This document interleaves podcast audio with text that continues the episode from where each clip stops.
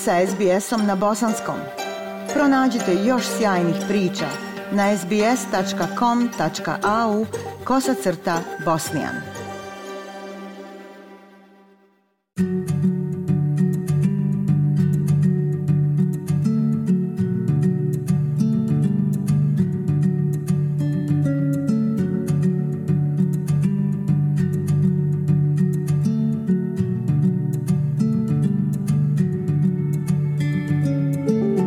Slušate SBS program na bosanskom. Od 2,3 miliona malih preduzeća u Australiji, više od 60% anketiranih nedavno izrazilo zabrinutost za svoju budućnost. Međutim, zahvaljujući novom pristupu, jedan porodični biznis ide protiv tog trenda.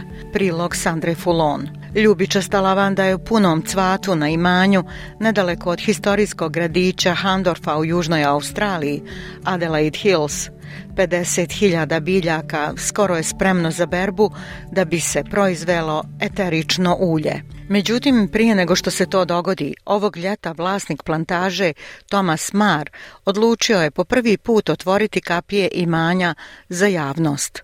Bio je iznenađen odgovorom we've gone from, you know, having 20 people a day to over 200 people a day.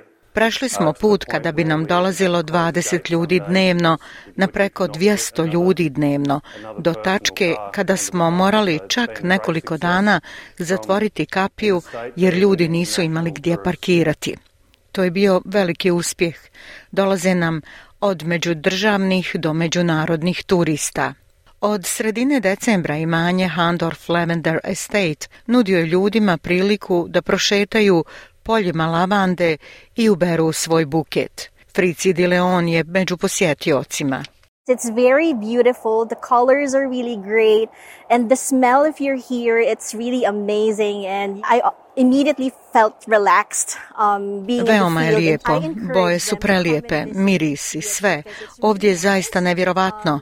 Osjećam se opušteno na poljima i pozivam sve da dođu u posjetu i vide polja lavande, jer je stvarno lijepo. Dobro je fotografisati i naučiti više o tome kako od lavande dobiti eterična ulja. Eterično ulje lavande destilira se na licu mjesta i prodaje na veliko. Cijenjeno zbog svojih antibakterijskih svojstava, ulje lavande se koristi vijekovima, a njegov jedinstveni miris popularan je u uljima za masažu i kremama za ruke. Ovi poduzetnici uzgajaju četiri vrste lavande za proizvodnju ulja, koja se koriste za izradu niza kozmetičkih proizvoda koji se prodaju na internetu, kako objašnjava supruga gospodina Mera, Nicole Jordan. The smell itself is just really soothing and relaxing and it just really helps to calm people. Sam miris je zaista umirujući i opuštajući um, i pomaže da se ljudi smire. Odlazak na polja, branje lavande i saznanje da je to ta um, lavanda koju koristimo u eteričnim uljima izaziva odobravanje. Na kraju kada pogledaju naš proizvod, ta činjenica ljude ushićuje. Kozmetika nije njihov jedini novi poslovni koncept.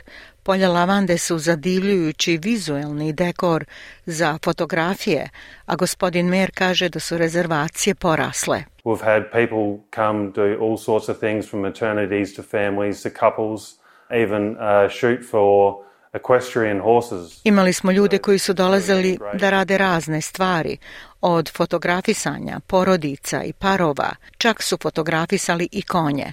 Dakle, zaista odlično. Ben Oliveira je fotograf i turista iz Brazila i među onima koji žele snimiti polja u cvatu. Oh, it's such a beautiful vibe, you know. I'm a photographer, so this this color and gets Ovdje je tako prekrasna atmosfera. Ja sam fotograf. Ova boja i živost koju mogu vidjeti Uzbudljivo je snimati.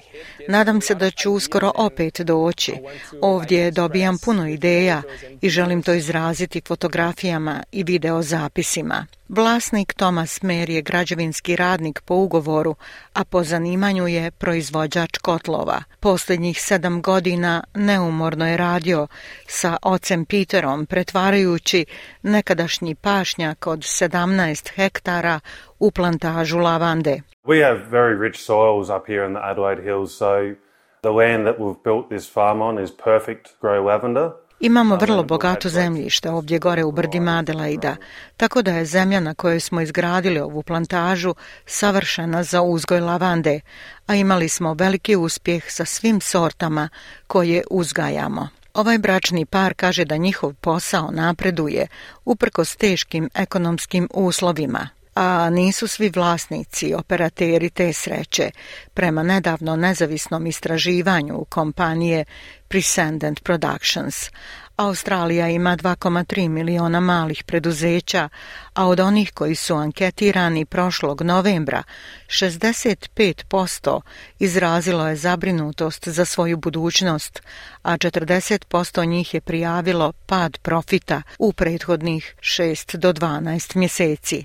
Gotovo polovina je navela profitabilnost kao svoju glavnu brigu prema generalnom direktoru Steve Lowe koji je također osnovao Australian Business Champion Awards from high operating costs. Od visoke inflacije, povećanja operativnih troškova do izazova povezanih sa zapošljavanjem osoblja, produktivnošću i ukupnim tekućim visokim troškovima života, nema spora da se australska mala preduzeća trenutno bore da opstanu. Teže im je nego ikada prije. Izdržljivost je ključ opstanka, kao što uzgajivač lavande Thomas Mayer dobro zna. Uzgoj hiljada biljaka težak je posao, a teškoće uključuju promjenljive vremenske prilike. It's definitely been a of love uh, building the business. There's Uložili smo ogroman rad u izgradnju posla. Bilo je teških trenutaka kada bi svaki drugi um, vlasnik malog preduzeća poželio odustati. Lavanda može biti prilično teška za uzgoj. Morate imati odgovarajući pH faktor u zemljištu. Prilično je otporna biljka, ali je potrebno zalijevati. Proveli smo dvije godine pripremajući zemljište. Vrijeme nam je godinama bilo jako teško, jer kada pravimo redove za humke, kada radimo podignute gredice sa biljkama lavande, moramo imati odgovarajuću vlagu tla u zemlji. Ako je previše mokro, mašina neće da radi. Ako je previše suho, mašina opet neće da radi.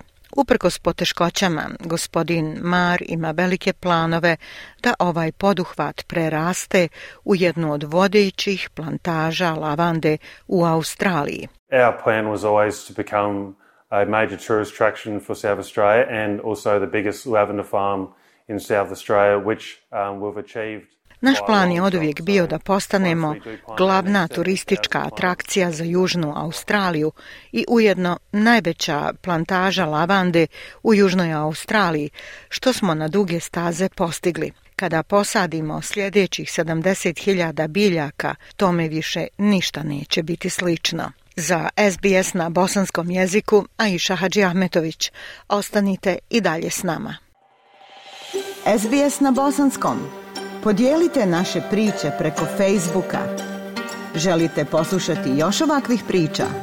Slušajte preko Apple podcasta, Google podcasta, Spotify ili kako god da primate svoje podcastove.